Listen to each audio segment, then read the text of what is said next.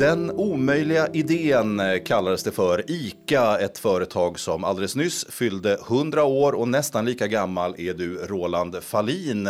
Du är 80 år fyllda och har fått den här podden som en eh, födelsedagspresent på din 80-årsdag där du får berätta om dina erfarenheter från det här anrika företaget. Och du är också aktuell med en bok som heter den, Det omöjliga jobbet och en eh, parafras får man säga på det här uttrycket kring ICA-företaget. Varför var det här så omöjligt eh, till att börja med, med det här med ICA?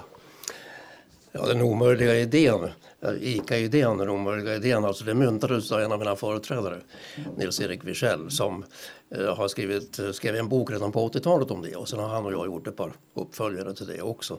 Eh, och eh, varför jag kallar det för det omöjliga jobbet, det beror ju på att leda den omöjliga idén borde vara ett omöjligt jobb. Men varför det kallas för den omöjliga idén är ju därför att det här är en kombination utav Eh, fria företagare och storföretagsverksamhet. Och att det här är ju egentligen två motsatta förhållanden. Alltså att vara fri som egenföretagare borde inte gå att kombinera med att man sen håller samman det här i ett eh, stort företag också. Mm. Eh, det finns andra system för det. Franchise är ett. Ica är inte franchise utan här är det handlarna som är egna företagare på riktigt. Eh, och eh, varför det där har fungerat kan man säga, det beror på att ICA-idén har egentligen hanterats olika i olika skeden. Mm. Man anpassar sig till ja, förutsättningarna? Ja, man anpassar sig till förutsättningarna. Men grundidén att det här ska vara fria företagare som känner sig fria, tillräckligt fria för att vara egna företagare eh, och samtidigt vara lika effektiva som någon annan kedja i den gemensamma marknadsföringen och utvecklingen. Den tanken, den består, den är evig kan man säga, men den har krävt lite olika hantering. Och för min del är det så att jag märker att det här ser man bättre i ett långt perspektiv. Mm. Och det långa perspektivet ska vi få. Du har varit med sedan 60-talet. Och med oss i samtalet är också Anders Sjöman som är kommunikationschef på Centrum för näringslivshistoria där vi också sitter idag och pratar. Och det är ni som har gett Roland det här födelsedagspresenten får vi säga. Men eh, det är kanske inte någon slump för att det verkar ju som att ICA som företag är ett av de företagen som ni, och ni förvaltar ju mängder av svenska företags eh, historiska arkiv. Men ett av de företag som verkligen har varit mest intresserad av sin historia just. Eh, absolut, och vi har funnits ett antal år men, men ICA har varit en kund hos oss eh, lika länge som vi har funnits nästan. Eh, och det är ju fruktansvärt roligt när man får berätta inte bara ett företags historia utan genom att företagshistoria även speglar Sveriges utveckling. Mm. Eh, så ICAs historia under 100 år är lika mycket Sveriges historia under 100 år. Mm. Och ICA har ju också, ska vi säga, nu kan vi ju höra Rolands berättelse här snart, eh, men man kan också gå in på eh, hemsidor och se ICAs historia i mängder av infallsvinklar från då starten 1917 fram tills idag i princip. 100-årsjubileet häromåret året fick stor uppmärksamhet. Ja, precis. Och den, den bästa källan att gå till heter ica-historien.se som vi har byggt åt ICA eh, men baserat på ICAs arkiv. Och vill man läsa färdiga texter och se roliga klipp kan man göra det där. Men vill man bara gräva ner sig i ICAs egna originaldokument, originaltidningar och originalfilmer så finns de också där. Mm. Eh, vilket är en spegling egentligen av hela Sveriges 1900-tal och, och nutid tillbaka till den här omöjliga idén då, eh, Roland. Alltså 1917 drar det ju igång i Västerås. Eh, och man förstår ju lite grann varför man möjligtvis skulle kunna tycka att det var en omöjlig idé då. För då var det ju första världskrig, eh, det var ju livsmedelskris, folk protesterade för mer potatis och bröd och fred förstås. Eh, att dra igång ett, ett, liksom en ny livsmedelskedjeidé då, det var ju en ganska galen idé uppenbarligen. Ja, det var ju revolutionärt. Det var det. Och det ska man tillskriva Hakon Svensson som var grundaren mm. av det första bolaget i det som sen blev fyra i en sån här inköpscentraler så småningom. Eh, men man ska också komma ihåg att handlarna led svårt av konkurrensen ifrån konsumentkooperationen som ju hade blivit effektiva och fått stort genomslag överhuvudtaget. Så de behövde samordna sig och grossisterna i Sverige hade ett grepp om varuflödet som eh, handlarna inte rådde på. Men eh, gick man ihop så kunde man göra det. Va? Sen ska man komma ihåg att även Hakon Svensson var ju en entreprenör. Va? Det, det, det genomsyrar. Han var ju faktiskt huvudägare i det här vilket är lite okänt för många. Men det visar bara ett exempel på det här. Jag sagt att ICA-idén har inte sett likadan ut jämt. För han var ju faktiskt huvudägare i sitt bolag ända fram till 40-talet. Mm. Eh, men ville ha in handlarna som delägare och fick det också. Och så småningom så var det handlarna som blev dominerande ägare när han drog sig tillbaka. Men alltså det, det var en entreprenörsanda över det här och den behövdes för att klara konkurrensen på den tiden. Det är väl historien i, ett kort, i korthet kan man säga fram till mellan modern tid, 50-60-tal. Mm. Och idag när vi alla pratar om, om entreprenörskap och, eh, och eh, startups eh, och allt vad det kallas så är det ganska intressant att se Hakon Svensson själv förklara de första åren, vilket man hittar i äldre ICA-tidningen. Ehm, där han pratar om, ja men vi satt hemma på sovrummet, jag och tio killar och vi hade kopplat upp en telefon för att kunna sitta och sälja.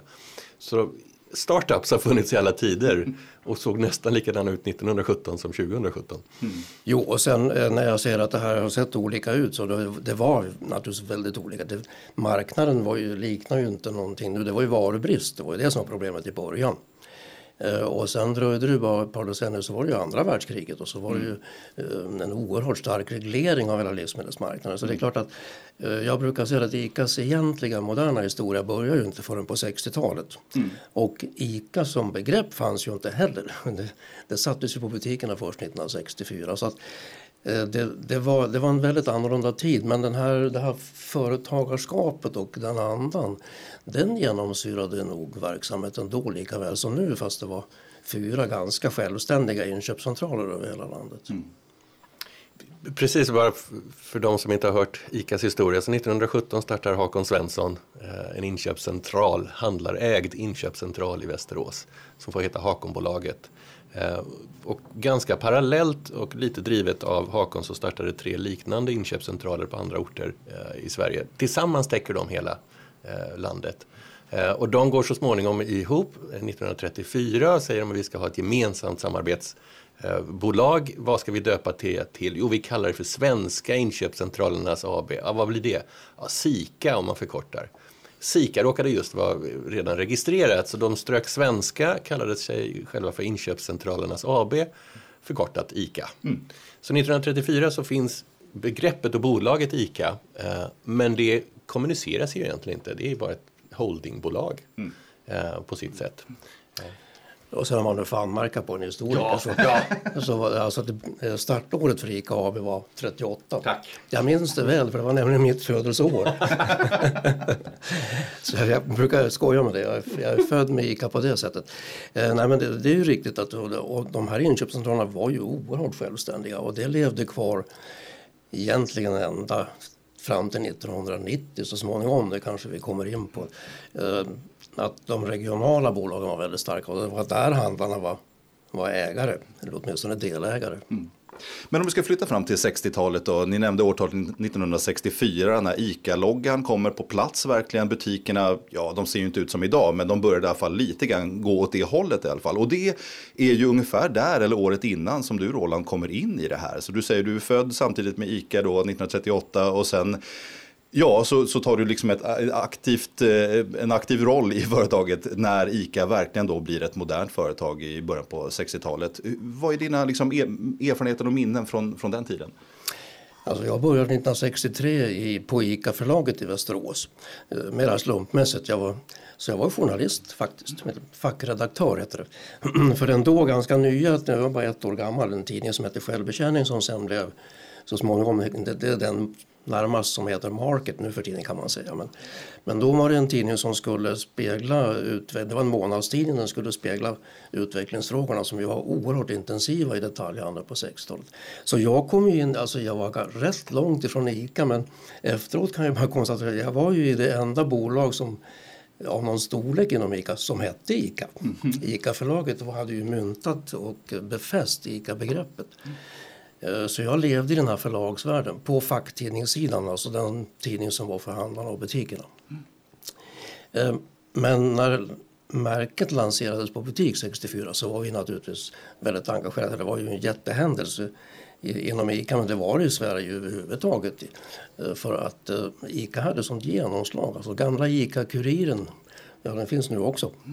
Men, men på den tiden hade den en veckoupplaga på 700 000 vilket betyder att säkert en miljon hushåll läste ICA-Kuriren. Det var ju nästan halva svenska befolkningen på den tiden. Så man förstod, och det var från 40-talet så man förstår ju att det hade byggts upp en goodwill omkring ICA-begreppet.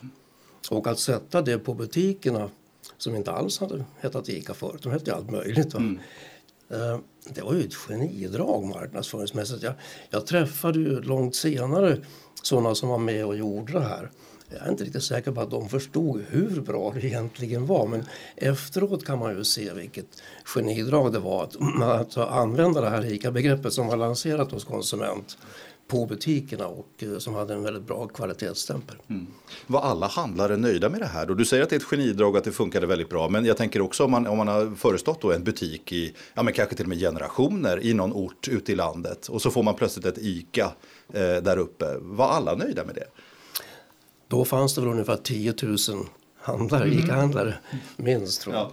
Och eh, nej, det tror jag inte de var.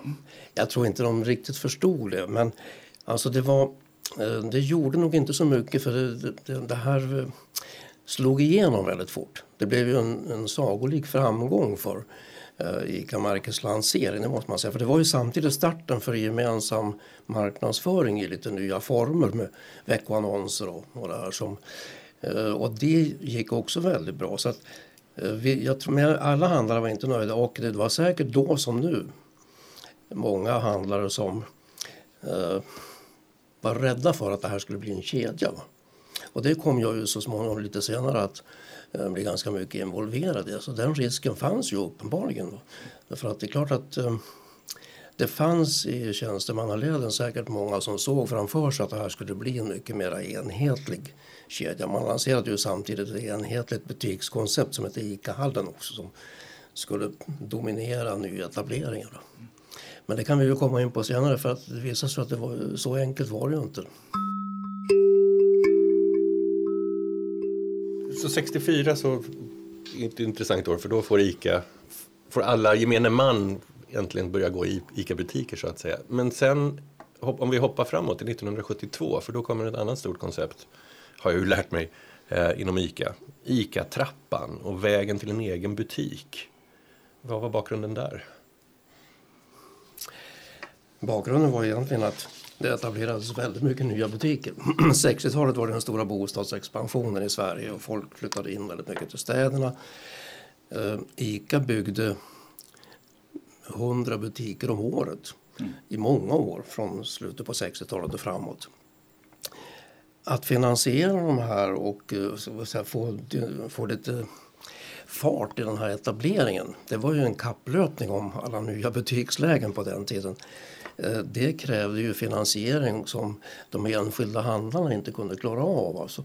Och under 60-talet hade man eh, provat sig fram med lite olika finansieringslösningar där de gemensamma inköpscentralerna gick in och eh, så att investerade i, i butiken för att få igång den och så.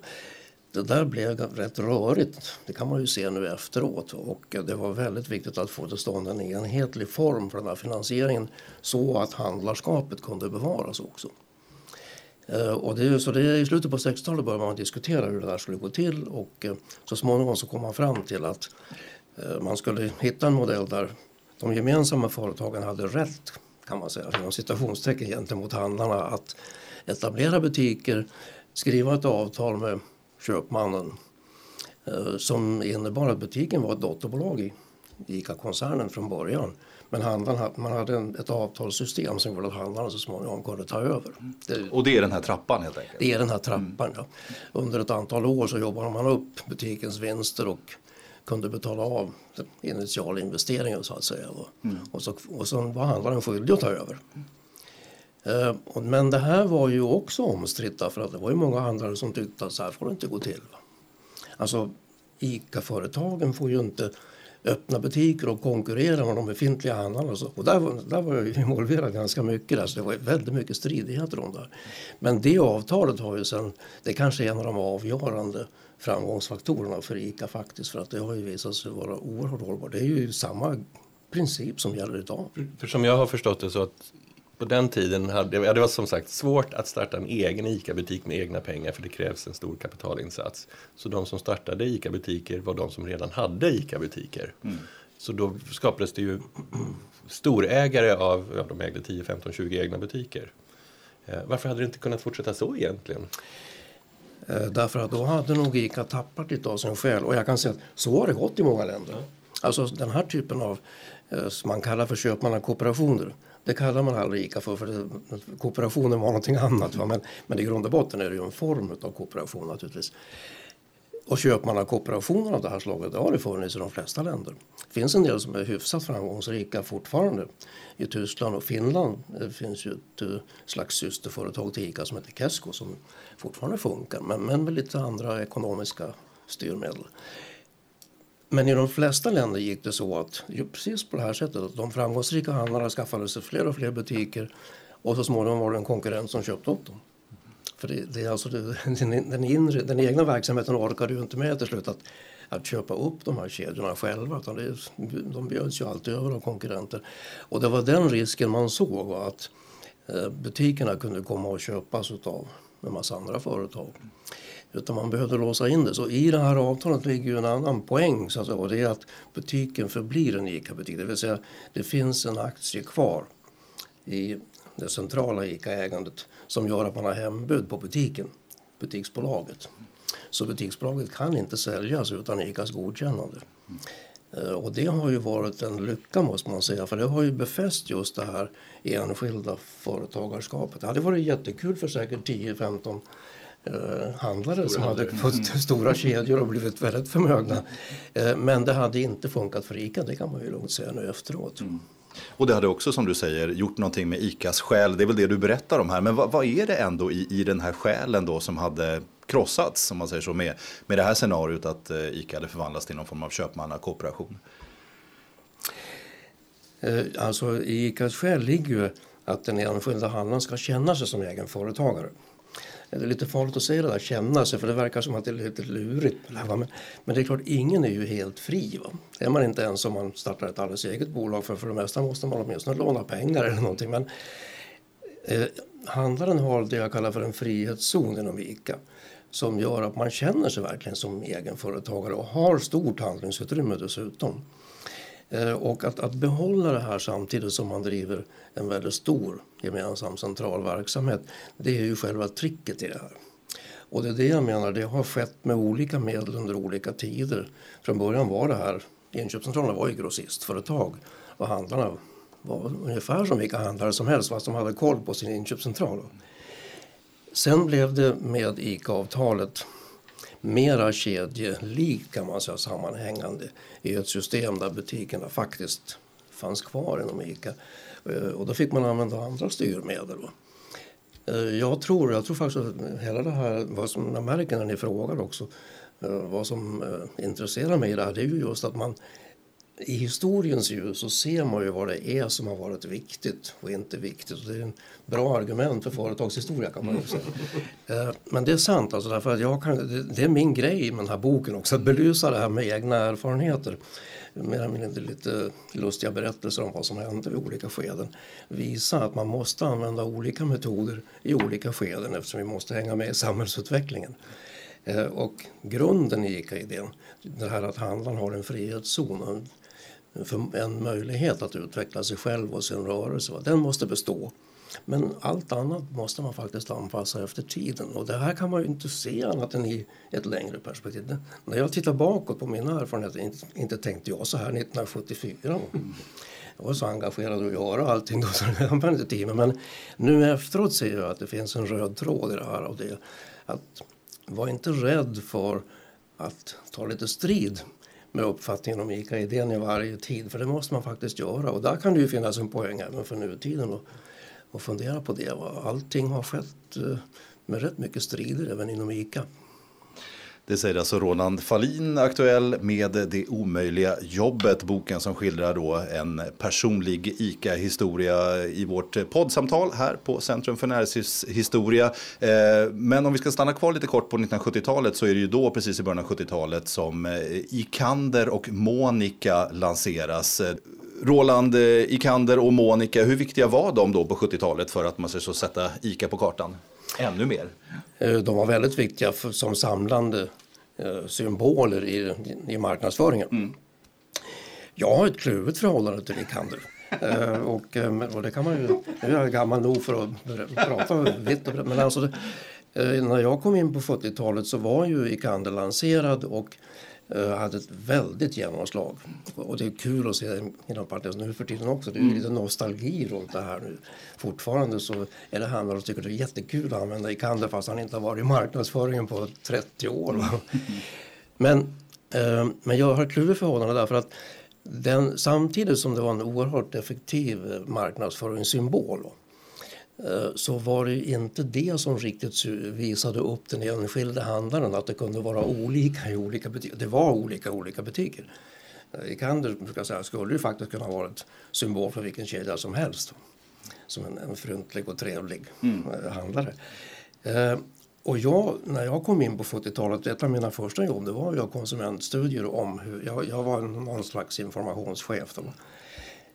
Att göra studier om hur ICA profilen hade utvecklats efter lanseringen på 60-talet. Det här var ju faktiskt bara tio år efter lanseringen, inte det heller. Eh, och då upptäckte man ju direkt att det hade fått ett enormt genomslag. Och ICAs profil var på väg att bli en koncernprofil, alltså en, en profilen för en mer enhetlig kedja. Och det där oroade inte bara mig men framförallt Nils-Erik Wiechel som var ju en, eh, som har kallats för ICAs chefsideolog. Han var vd på 70-talet. Och jag jobbade eh, hos honom utan skyddsnät brukar jag säga. Det är inte så lätt med genier men, men de är bra för att han såg direkt att det här är ett långsiktigt problem. Så han satte mig på att uh, utveckla ett parallellt spår och det var begreppet ICA-handlaren. Ja, för det, här är, det här är intressant, för vi har ju hela samtalet nu pratat om ICA-handlare och ICA-handlare. Mm. Men själva begreppet handlare dyker upp och ICA-handlare dyker upp först på 70-talet. Mm. Det, jag brukar säga att 73 tror jag gick handlarens födelseår.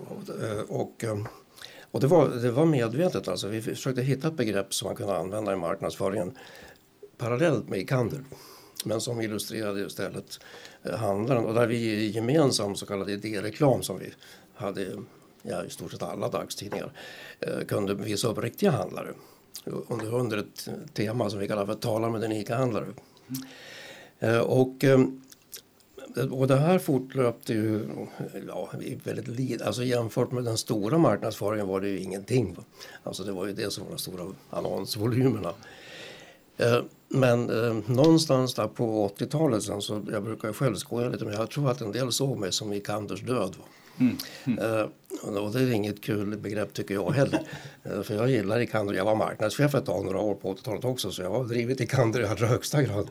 Men eh, det var nödvändigt till slut att se till att profilen i ICA-handlaren, den riktiga handlaren så att säga, fick dominera i marknadsföringen.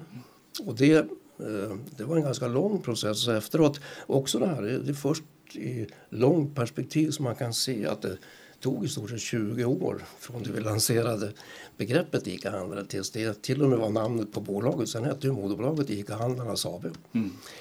Och, eh, och dessutom dominerade i marknadsföringen då. Det låter lite grann som att det har med tidsandan att göra också. Alltså från det här kollektivistiska 70-talet kanske, när, när det är stora koncerner, det är alla ska med på samma båt någonstans. Eh, och sen på 80-talet, med, med, inte minst med ditt arbete, så, så lyckas man föra fram då att varje handlare kanske har något unikt, att det finns ett värde i den här, det här enskilda mötet med den enskilda handlaren, den enskilda butiken någonstans. Eh, och en helt annan tidsanda då. Vad säger du om det? Jo, men det är helt rätt. Alltså att driva att driva eh, ska begreppet fria enskilda företagare i 70-talets eh, politiska eh, atmosfär, det var inte så lätt. Och där tror jag att den här, det slår mig nu också, den här lite, ska säga, lite fryntliga ICA-handlarmodellen som vi drev, den var ju ganska oskyldig. Alltså den var, det var, kom lite inifrån eller underifrån. Va? Att driva politiskt företagarfrågor det var ju, det var ju ganska meningslöst på 70-talet faktiskt. Eh, så det, så det är en väldigt bra fråga. Där. Eh, och då var det lättare med Ikander men, så, men sen ändrade ju det här så småningom. Men det tog lång tid ska man komma ihåg. Och, eh, vi fick ju andra problem sen. Med 90-talet präglades av helt andra saker för då kom internationaliseringen. Och mycket av frågor omkring det här byråkratiserades ju i samband med att man fick en konkurrenslagstiftning som i grund och botten egentligen förbjuder sådana här verksamheter som ICA. Som dessvärre finns än idag.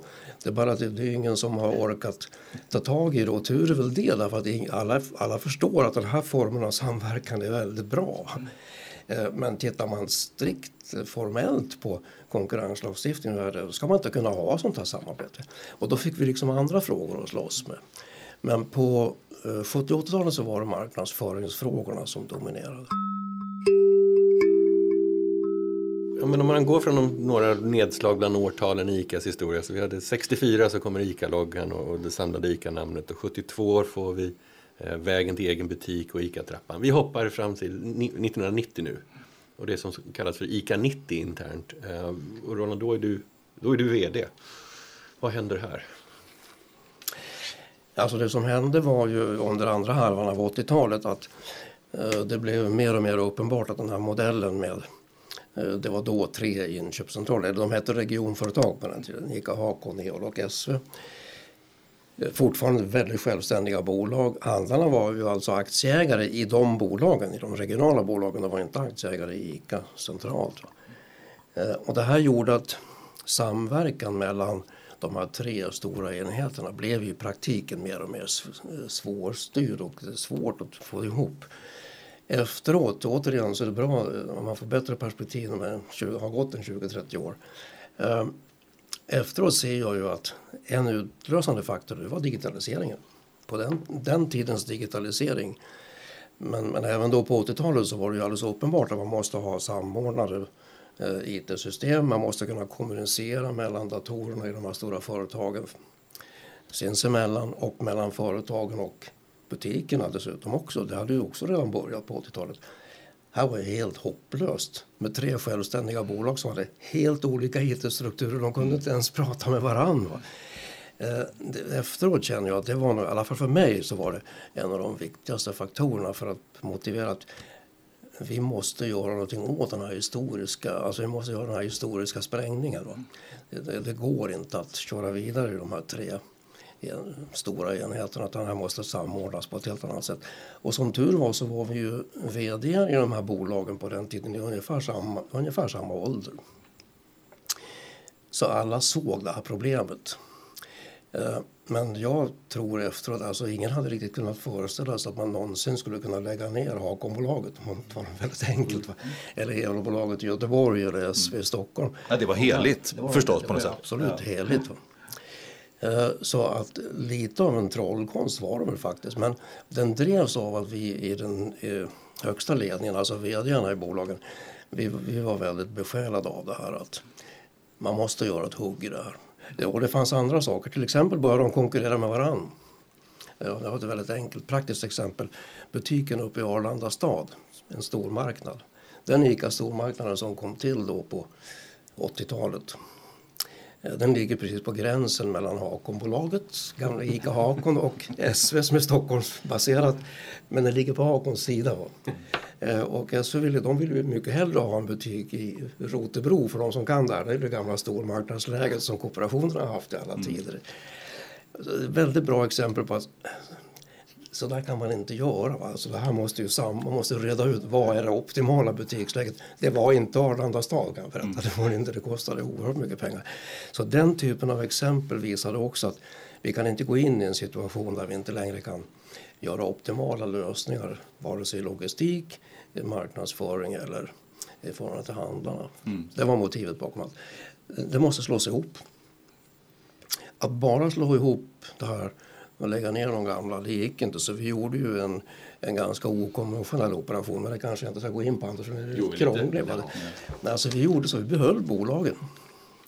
Och så sa vi att nu får vart och ett av de här tre, fyra bolagen med moderbolaget ICA AB vart och ett får sin specialuppgift istället. Så att ICA Hakon som hade mest pengar, det var det gamla mest förmögna bolaget kan man säga, tar hand om detaljhandeln och detaljhandelsutvecklingen för den kostar mest pengar. Eh, SV som var här i Stockholm, en förhållandevis liten region, Östergötland, Gotland och det här hade väldigt bra, i, bättre utvecklade IT-system i logistiken och där de andra. Ta partihandel och distributionsdelen för hela landet. Och Göteborg får ta resten. För där sitter de, man ska vara lite Ja, om man ska vara tydlig kan man där sitter lite bättre affärsmän där. De kan ta hand om... Man får komma ihåg, vi ägde ju Ellos och Lindex och mm. Bob Industrier och alltså, vi hade ju 10-12 sådana specialiserade, ganska stora företag. Och ICA AB behöll ICA-förlaget lustigt nog och eh, naturligtvis samordningsansvaret där jag satt. Så att eh, var och en blev chef för sitt specialgebit. Mm. Det här sålde vi in. Och det är det som kallas för trollkonsten. För det var, han gillade aldrig Nils-Erik Wirsell. Han bråkade med det. Det där är alldeles för krångligt, så. Då kan du tala om för mig hur man ska göra för att lägga ner de här bolagen. Ja, det låter inte så krångligt, men det låter som att det skulle kunna stöta på patrullen då med, med så anrika man säger så, delföretag här nu som ska få helt andra uppgifter. Det gjorde det också. Den dagen när det här skulle beslutas i styrelserna så hade vi sammanträde samma klockslag på varje ställe. Eh, och så ringde de in. Jag, jag tog Västerås, för, det var, för det var det känsligaste med gamla Hakon. Ja, födelseorten. Ja. ja. Och, eh, och så ringde de andra in och talade om nu är vi klara. Och då blev det jobbigt i Västerås kan jag säga. Men det var, det var tufft att få igenom den typen av beslut. Det var det faktiskt. Sen kan man ju säga också, det här var, vi tänkte inte längre än så just då. Sen får vi köra på i det här. Va? Men sen blev ju verkligheten den att efter fem år 95 då hade vi slagit ihop alltihopa. Mm. Då fanns det inga specialiserade bolag längre. Mm. Så det är klart det här var en, en ganska tuff omvandling egentligen. Och, eh, och en annan effekt av det som är tråkig på sitt sätt tycker jag men kanske var oundvikligt det var att det var ju bara jag kvar av de här fyra vdarna. Eh, för det, det var ju så att alla var uppfödda i den gamla modellen. Eh, det var jättesvårt att komma in i det här. Va? Så att de hittade annat att göra alla tre så småningom.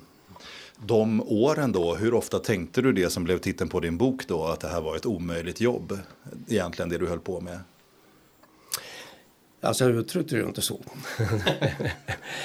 men, men jag insåg nog att det var ett Eh, i alla fall ett väldigt speciellt jobb. Därför att det är, det är, um, var, och det är fortfarande alltså för de som, som jobbar med de yttersta ledningsfrågorna i det här nu. Så det är i princip samma sak. Att det, det är en blandning av att vara ganska tuff företagsledare och driva rationell verksamhet eh, och att vara lite av politiker i den, i den här interna konstellationen. Eh, det, det kräver naturligtvis en, en lite annorlunda form av ledarskap än att än att leda ett eh, helt centralstyrt bolag. Ja, vad är det för egenskaper som, som ställs på en, eh, just en ICA-VD? Ja, jag tycker, det kanske man ser tydligare när man blir gammal, men alltså det är tron på människan brukar jag säga. Det, ICA har ju inget eget butikskoncept som Ikea eller H&M eller Lidl för den delen heller, utan hela ICAs koncept är att man tror på individen, man tror på företagarens förmåga och det måste gälla även i företaget. Det måste finnas en entreprenörsanda även i de eh, stora gemensamma bolagen. Eh, och det är det som, alltså att ha den förståelsen, att våga släppa till till folk, och det tror jag är kanske den främsta egenskap man behöver ha. Samtidigt som man måste vara lite hård i nyporna också. Och den där kombinationen ehm, jag gick väl på instinkt. Jag tror det. jag vet inte, det här kan man inte lära sig. Eh, och, eh, och jag säger fortfarande det, alltså, eh, det var inte jag som var trollkarl utan det här, var ju, det här har, ju, har ju faktiskt lösts under flera generationer, det är inte bara jag. Och man löser idag också. Men jag märker att man har precis samma problem att förklara för eh, både handlare och folk i bolagen varför man måste göra vissa typer av förändringar. Så säger jag, ja men det stämmer ju inte med ICA-idén. Eh, I den eh, digitaliseringsvåg man är i nu va, så är det uppenbart att eh, det är samma typ av diskussioner man har som vi hade på lite andra nivåer då. För det är intressant när man tittar på ICAs historia att, att det är återkommande frågor och det ger sig uttryck ofta i när man tittar på gamla handlingar och, och brev och tidningar Eh, och interna publikationer så är det att huvudkontoret gnäller lite på sina olydiga handlare. Och handlarna gnäller lite på det här centralstyrande Solna där huvudkontoret ligger idag. Och det är en friktion som ska finnas där. Jag tänkte det, man vill ju kunna gnälla på någon. Ja. Den dynamiken är inbyggd i hela ICA-idén. Att det ska vara ett visst gnäll och ett, ett utrymme för att gnälla. Så att jag tror, när man tittar på det organisatoriskt och ledarskapsmässigt, att skapa utrymmet för att alla får gnälla inom rimliga gränser och på, på artigt sätt, men ändå gnälla. Mm. Känns som en, också en viktig del av ICA-kulturen. Mm. Um. Håller du med Roland? Att gnället är viktigt? Och att det finns en struktur för det inbyggt i ICA-systemet. Absolut, ja, det, det, är viktigt. Men, men det, och det illustrerar också att det, det, får inte, det får inte gå för långt. Va? Därför att, eh, ser man det mer övergripande så det får inte vara så att någon del av den här eh, får, blir för dominant. Alltså handlargruppen får ju inte bli för dominant heller. Eh, och det är ibland lite jobbigt att säga att det handlare men, men jag tror att de innerst inne förstår det. Va? Eh, därför att då blir det bara handlarperspektiv över saker och det blir ofta lite för kortsiktigt och Dessutom leder det till att om handlarna dominerar så kan de inte hålla sams. det är en annan faktor. Men det får heller inte bli centralstyrt. Och sådana tendenser fanns redan på 70-talet och det har funnits. Det finns säkert idag också. Men på 70-talet, jag har illustrerat med något exempel alltså där man, när man skulle etablera butiker gjorde profilering av det här som jag nämnde förut som hette ICA-hallen som var typen för det dåtida supermarket kan man säga. Eh, den skulle se ut på ett visst sätt och där byggde man ju raskt upp manualer för allting och vilken tjänstebil som den här handlaren som då var dotterbolagschef i början skulle ha. Och det är lätt att förgripa direkt att hoppsan, det här gick ju fel. Va? Alltså det här kommer handlarna aldrig att stå ut med. Och det, det måste man ändra på. Mm.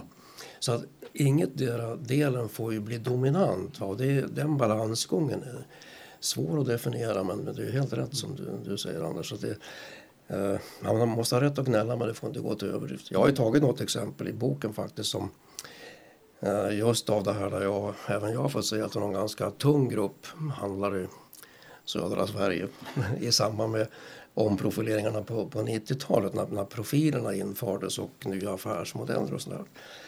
Eh, när jag hörde dem bråka med mig över ett sånt här bord då om, om det här och att jag måste göra som handlarna säger. Då. Att vill man ha en ombudsman som chef för det här, då får ni skaffa en annan. För jag tänker vara företagsledare här. Och det kräver faktiskt lite mer. Och det, alltså, den typen av markeringar har man ju behövt göra ibland. Och då ska man komma ihåg att jag hade en speciell roll. Eh, jag var ju chef för koncernen. Eh, och, men jag var ju också vd för förbundet, handlarnas intresseorganisation. Och så var det ända fram till 99 tror jag. Man satt på båda stolarna? Man satt på båda stolarna. Och hade samma styrelse. Uh, och det är ju lite svårt idag för folk att begripa men det var ju då ganska självklart. Men därmed så, ja, det kom ju också att jag brukar säga det var bara jag som såg uh, båda sidorna hela tiden av det här. Va? Jag var ju anställd i bolaget som koncernchef eh, men jag var också vd för förening, föreningen, förbundet. Eh, det var på sin tid när ägandet var mycket mer homogent så var det en bra lösning. Eh, men sen gick det ju inte. Och det hängde ihop med när vi skulle gå på börsen första gången i slutet på 90-talet. Men det kan ju nästan ta, ta som övergång till nästa årtal i, i ICAs historia. Om vi går hela vägen till 2000 från ICA 90 och vi har slagit ihop inköpscentralerna och vi har en internationalisering, vi har den första digitaliseringsvågen under hela 90-talet så vi, ja, Sverige går med i EU eh, och vi har massa frågor kring om internationella köp eh, eller handlare och, och livsmedelskedjor ska etablera sig här. 2000 så får ICA, helt plötsligt säger jag det självklart inte helt plötsligt, eh, en holländsk delägare i form av Ahold. Vad låg bakom detta? Ja, för det kan man ju nu efteråt eh, se som det var ganska märklig historia. kan man säga. Men, alltså bakom detta låg ju hela uppfartssträckan på 90-talet som var som du sa, först internationaliseringen slog igenom. Alltså förändringen eh, av mindset överhuvudtaget när vi gick med i EU är lite svår att föreställa sig idag när, eh, när det är så självklart. Va? Men, men vad som skulle hända när vi gick med i EU, eller EG heter det först då. Eh, det, det, det, var vi ju väldigt mycket mer osäkra men Vi var rätt säkra på att vi skulle få nya konkurrenter. Att här skulle det etableras utländska kedjor i Sverige. Vilket sen tog längre tid än vad vi trodde, men det är så mycket. Men, men, oron var nog befogad. Det vi sen fick som kanske var mer överraskande det var ju en ny konkurrenslagstiftning. Fick ju en blå kopia på EUs konkurrens och den stämmer ju inte ett enda dugg med ICAs sätt att vara det som jag nämnt förut. Mm. Så att hela 90-talets uppfartssträcka var ju dels att vi måste vara förberedda på mycket skarpare konkurrens utifrån i fortsättningen. Eh, och dels att vi måste anpassa ICAs sätt att vara till konkurrenslagen i någon mening så att man inte, eh, inte fortsätter så att säga, uppenbart på det spår som nu alla kunde se eh, stred mot, mot en del grundregler i konkurrenslagen. Det vill säga, det ledde ju till att vi måste diversifiera ägandet. Och det var inte så himla lätt när vi just hade fått ihop allting till ett centralt ägande av handlarna. Eh, att sen tala om att nej, vi måste faktiskt ändra lite på det här igen. Men det var bakgrunden. Alltså bakgrunden var ju ett internationellt tryck på, på två plan, marknadsmässigt och byråkratiskt. Då. Och då funderar ni, funderar ni kring att, att eh, börsintroducera eh, ICA? Ja, det var ju, det var ju första steget. Det var, det, det var kanske det mest naturliga steget. Vi börsintroducerade. Och det lanserade, den idén lanserade vi 98 tror jag. Och då blev vi tvungna att dela upp förbundet och bolaget och skaffa en ny styrelse för ICA AB med externa ledamöter och lite sådär. Eh, och ehm, sen när planerna var ganska långt gångna under 99 så kom då idén om eh, samgående med Ahold, den kom ju från dem, från Ahold. Eh, och, men Eh, vi visste ju att de var väldigt aktiva. De hade ju tidigare försökt köpa in sig i Norge.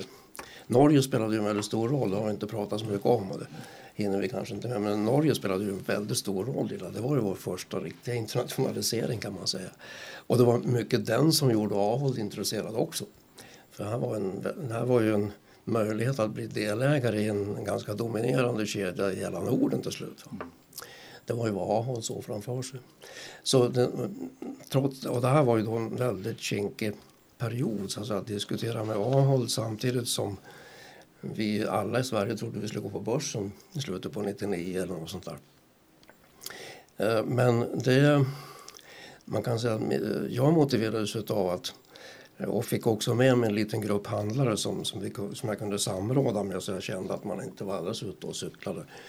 Eh, av det faktum att om vi in, man insåg ju det då att om vi gick på börsen då skulle vi ju utsättas för just den här typen av bud eh, ifrån Ahold till exempel. Vilket de ju så småningom lite försiktigt förklarade för mig också att eh, man får ju välja. Antingen gör vi upp och, och struntar i börsen eller så kan du sitta och vänta på ett bud. Vilket, och, och, vilket hade varit både dyrt och krångligt. Eh, och Sen finns det en faktor till. att eh, för de som kan börsens historia så bara 99 började bli ganska skakigt på börsen. Det var inte så att man drömde om att lansera en, en sån jättestor börsintroduktion som ICA skulle ha blivit. Eh, så det hjälpte väl till, och vilket gjorde att när vi sen eh, berättade om AL-historien i december 99 så var det ju en stor lättnad bland handlarna, faktiskt. Mm. Det var en överraskning för mig. Men då fick jag bekräftat igen, alltså handlarna är rätt så bra affärsmän. Eh, de förstår sig inte på börsen men de har affärskänsla. Va? Och de förstod att det här var nog att ta in en holländsk väldigt välrenommerad dessutom detaljhandel. Det var en av, ett av världens största detaljhandelsbolag då. Ta in dem som delägare, det, det är inte så dumt. Och samarbetet och samägandet med, med Ahold pågår ju fram sen till 2013 när ICA blir helt svenskt igen. Men de åren är ju också ganska dramatiska, eh, framförallt mot slutet där när Ahold på egen beskyllan hamnar i eh, blåsväder, men det blåsväder blåser över även på dig. Oh ja. Eh, för jag, jag skulle egentligen ha gått i pension där i slutet på 90-talet men, men på grund av alla de här affärerna så blev man ju liksom kvar. Så jag var ju både vd och ordförande dessutom under 2000. Men men sen skulle jag ju ändå gå i pension och när jag gjorde det så hade jag ju ett, fick jag ju omedelbart ett bud ifrån Ahol att gå med i deras styrelse. Uh, vilket jag var väldigt tveksam till för att uh, jag visste ju efter hela den här processen att byta sida så att säga. Man har levt inom ICA så länge som jag hade gjort då, så byta sida. Jag tror det var egentligen bara jag som fattade vilken enorm mental omställning som det skulle kräva. Samtidigt var det ju spännande. Så det slutade med att när jag gick i pension så gick jag in i styrelsen där. Sen som du säger, alltså Ahol gjorde ju ett par rejäla misstag. Eh, framförallt i USA där de förlorade över en natt oerhört mycket pengar. Eh, och de hade en strid med sina revisorer om hur de redovisade sina intressebolag som varav ICA var ett. Som jag inte, jag var inte riktigt medveten om hur djupt det där satt. Men i alla fall det slutade med att Ahol eh, höll ju på att nästan gå omkull på börsen. Det var varit en jättekatastrof 2003 redan. 2004 så eh, blev en av effekterna i Holland att eh, det väcktes åtal mot eh, hela koncern, tre i koncernledningen och mig i styrelsen som förväntades ha varit alltför involverad i de här redovisningsfrågorna mellan Ahold och ICA. Och jag var ju lite tagen på sängen kan man lugnt säga. Jag hade, för det här hade jag inte riktigt förstått. Men, men, ja, men det viktigaste, och det, var ju, det gick några år för mig där som var ganska tröstlöst tröskande i, i den holländska juridiken. Där jag blev helt frikänd i alla instanser men det var jobbigt ändå. Men, men för, Ahold, för Ahold så blev, ja, det tog fem år ett tag. Det gjorde det fram till jag var 70 ungefär. Men det gjorde att hela förhållandet mellan ICA och Ahold förändrades. Det vill säga Ahold var inte den där starka partnern längre. De var ganska skadeskjutna under rätt lång tid. ICA tog aldrig något stryk för det här.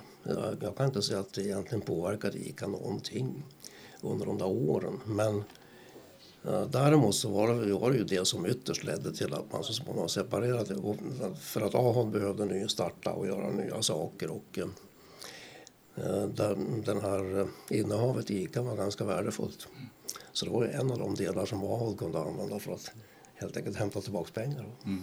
Och ICA återvände lite grann till sina vadå, svenska och, rötter? Och ja. ICA återvänder till det som var tanken 99, nämligen gick på börsen. Mm. det, alltså, ja. det, det, är ju en underbar cirkelgång hela det här. För att det som jag hade som vision 99 inträffade ju faktiskt 2013. Fast, men jag ska inte ta äran av det alls. Absolut ingenting. Eh, men det är kul att se. Va? Och, eh, och därför så, det är ju också lite som jag reflekterar över i boken. Att det är intressant att se att det som jag var lite nervös för 99 då. Hur ska vi klara det här med att eh, handlarna eh, som i sitt ICA, Handlarnas förbund, är huvudägare i ICA som i övrigt är på börsen. Hur ska man sköta det här nu då utan att det blir kontroverser? Nu är man där då. Eller blev det 2013. Nu är det ju ICA Handlarnas förbund som är huvudägare. Och nu har man att hantera en helt annan situation i den här balansgången mellan de här grupperingarna, handlarna visavis koncernen och balansgången däremellan. Så det är spännande. Men, men eh, och poängen i det här är ju att eh, jag tycker det är kul att se trots de...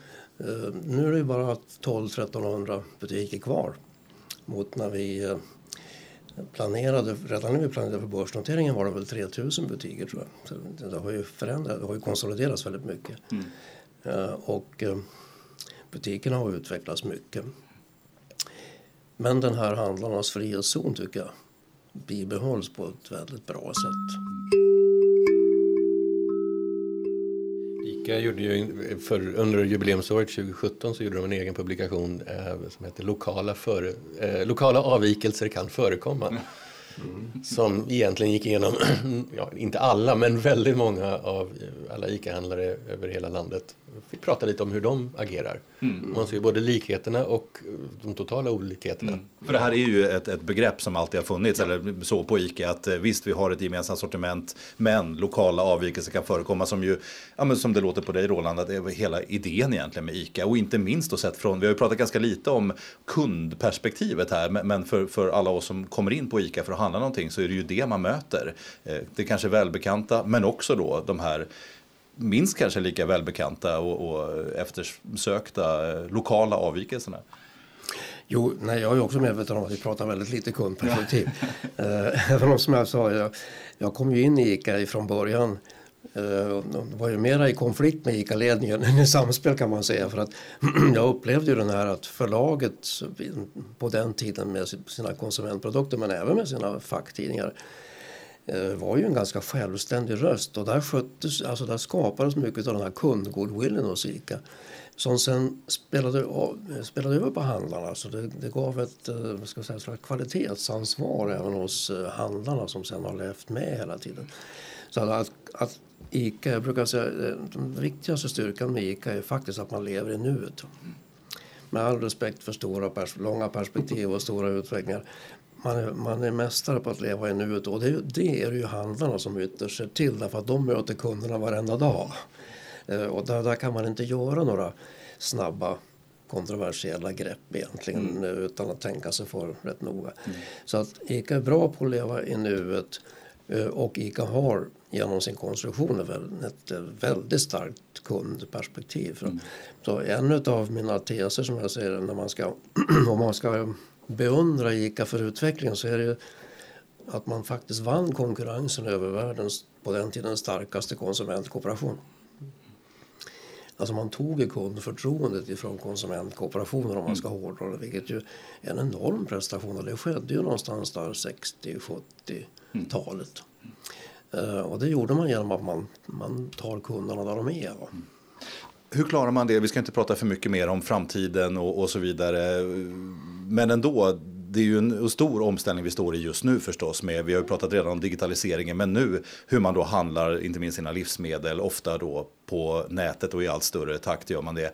Hur, hur klarar till exempel ICA av att möta den förändringen och att leva i nuet och, och bibehålla då sitt goda förtroende som kanske enskilda handlare, enskilda butiker, när, när man som kund kanske aldrig går i den här butiken, aldrig träffar några handlare? Det är en jätteutmaning att eh, och det, det är ett av de här skedena som jag har sagt, alltså man måste börja fundera över Uh, måste man börja rucka på tillämpningen av ICA-idén igen. Va? Det har funnits en, en tråd i den här digitaliseringen under tiden som är lite bortglömd ibland och det är ICA det kundkort. ICA-kortet alltså.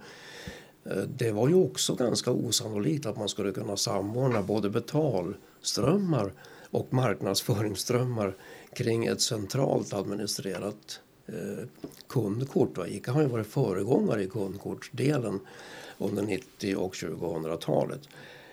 Eh, och det, eh, det kan man ju tycka har inte så värst mycket med e-handel att göra. Men det har det.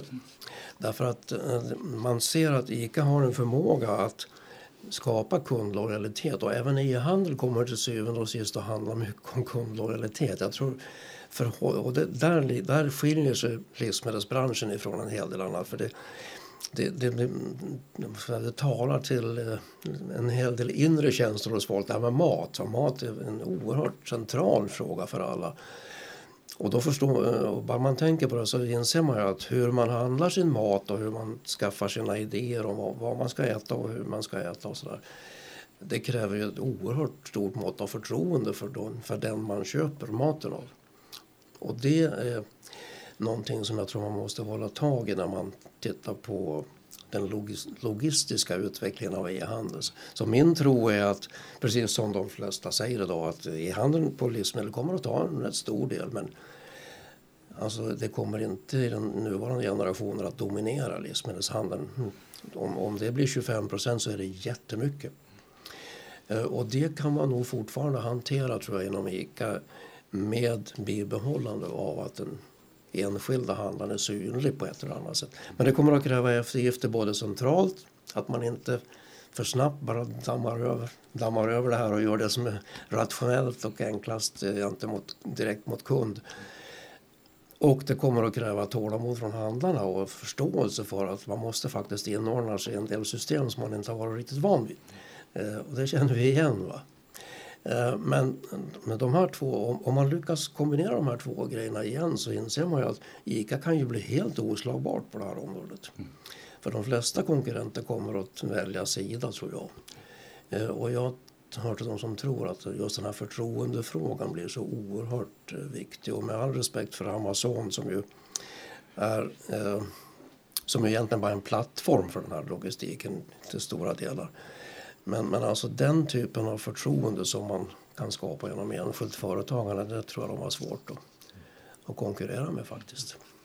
Anders Sjöman, alltså kommunikationschef på Centrum för näringslivshistoria där vi sitter under det här poddsamtalet. Ni som jobbar med företagshistoria, hur, hur viktig skulle du hävda att ICAs historia, då, mycket av det vi har pratat om idag, är återigen då för framtiden? Eh, Roland pratar ju om kundförtroende, pratar om ja, kundkort rent konkret och sådana saker. Men, men i grund och botten hur, hur man som kund förhåller sig till ett företag. Vilken roll spelar egentligen historien där, lite kortfattat, skulle du säga just ICAs fall? Precis, kort på 30 sekunder. Eh, nej, men eh, ICAs relation till sina kunder koppla det till andra företags relation till sina kunder. Eh, vi har pratat om kooperationen, vi kan prata om vad som brukar kallas det tredje blocket, idag Axfood med sina butiker. Och att jämföra hur de över tid har förhållit sig till sina kunder är jätteintressant. Eh, och jag ser ju det vinnande i att behålla den lokala förankringen. Och, och även i en digital värld så bor jag fortfarande där jag bor.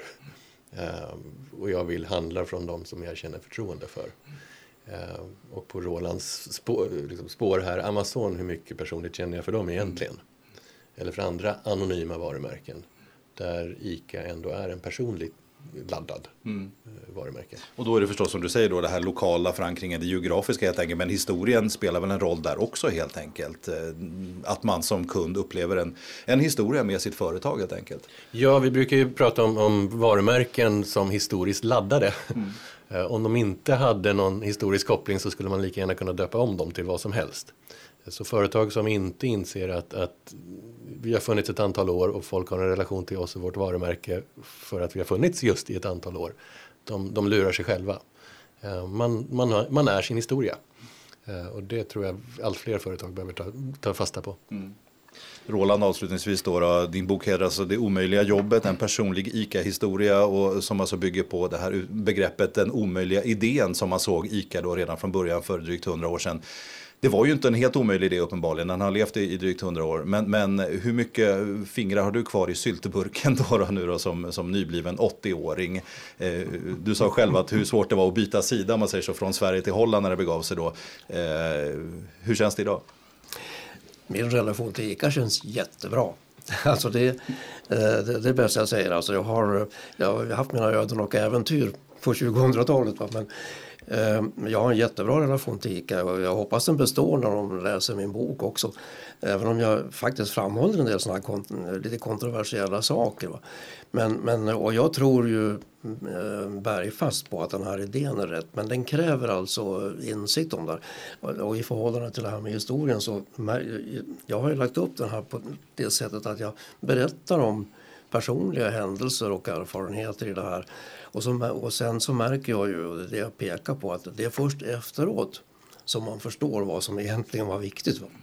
Och det är en väldigt bra argument för näringslivshistoria kan man säga, men, men det är sant också därför att eh, det är först efteråt som man ser, ja, det var ju så det hängde ihop, ja, visst, vet, och sen nästa steg så kunde det bli så här. Eh, och det försöker jag ju förmedla. Jag har ju ingen, ingen som helst direkt. Jag sitter, sitter med i Hakon Svensson-stiftelsen som sysslar med forskningspengar för ICAs räkning. Det tycker jag är jättekul men jag har ingen annan formell koppling alls. Eh, men, eh, och jag har inga ambitioner längre heller kan man säga att ha några direkta idéer om vad ICA ska göra eller inte göra. Men jag fann ju en liten plattform här att jag berättar hur det har varit bara och så hoppas jag att alla är kloka nog och drar lite slutsatser om att eh, det finns saker som man kan tänka på i det här som är viktiga även framåt. Men när dina operativa ICA-år var över och AHOLD-processen var bakom så gick du och skaffade flygcertifikat vid 70 plus fyllda. Vad hände? Vad hände för någonting? Jag var inte överfall, men jo, då, jo då, men det hör till de saker som jag är ganska stolt över. Så jag är inte alls ledsen för det. Jag tog flygcert när jag var 74. Sanningen är väl att jag, jag hade väl någonstans haft, eh, alltså sen jag var grabb, någon sån här romantisk inställning till det här med att flyga små flygplan, vilket är en fantastisk upplevelse. Eh, men jag tror att det var satt lite djupare. Jag behövde någonting att avreagera mig på. Alltså har man varit operativ i den omfattning som jag har varit, och så, det, det gäller säkert alla, och inte bara vd, det gäller alla jobb man måste ha någon slags tanke hur man avleder den här överskottsenergin som man ändå har och inte blir en gnällig gubbe som talar om för företagsledningen vad de ska göra hela tiden. Eh, så jag, eh, det, mer eller mindre medvetet så gick jag på det här att fan, jag kanske skulle lära mig flyga. Eh, och så gick jag och frågade hur gammal får man vara? Vadå gammal? Det bestämmer doktorn. Och han bestämde att jag fick flyga. Så jag fick fem år. Nu, nu, ska jag, nu har jag slutat flyga ensam. Alltså, jag inser också att man får vara lite förståndig också. Men, men eh, det var en fantastisk upplevelse. Och dessutom så fyllde det på i min, eh, jag säga, min eh, tilltro till hur viktigt det är med utbildning. Det fyllde på min egen erfarenhet. Jag var lite nyfiken på om man kan lära sig någonting helt nytt. Att styra med fötterna istället för med händerna och att lära sig helt nya, ganska krångliga teoretiska grejer som man var tvungen till. Det kan man. Mm. Det går bra även om man är 70-plussare. Mm. Och sen får du ju också då rent konkret, även om du har slutat eh, sitta vid spakarna nu då, som du säger, men, men eh, konkret ett fågelperspektiv, precis som i din eh, bok eh, återigen. Absolut, jag blev faktiskt, det är kul du säger, för jag blev påmind om att jag har nog alltid varit tilltalad av de här fågelperspektiven. Och de är jätteviktiga när man ska fatta en del större beslut.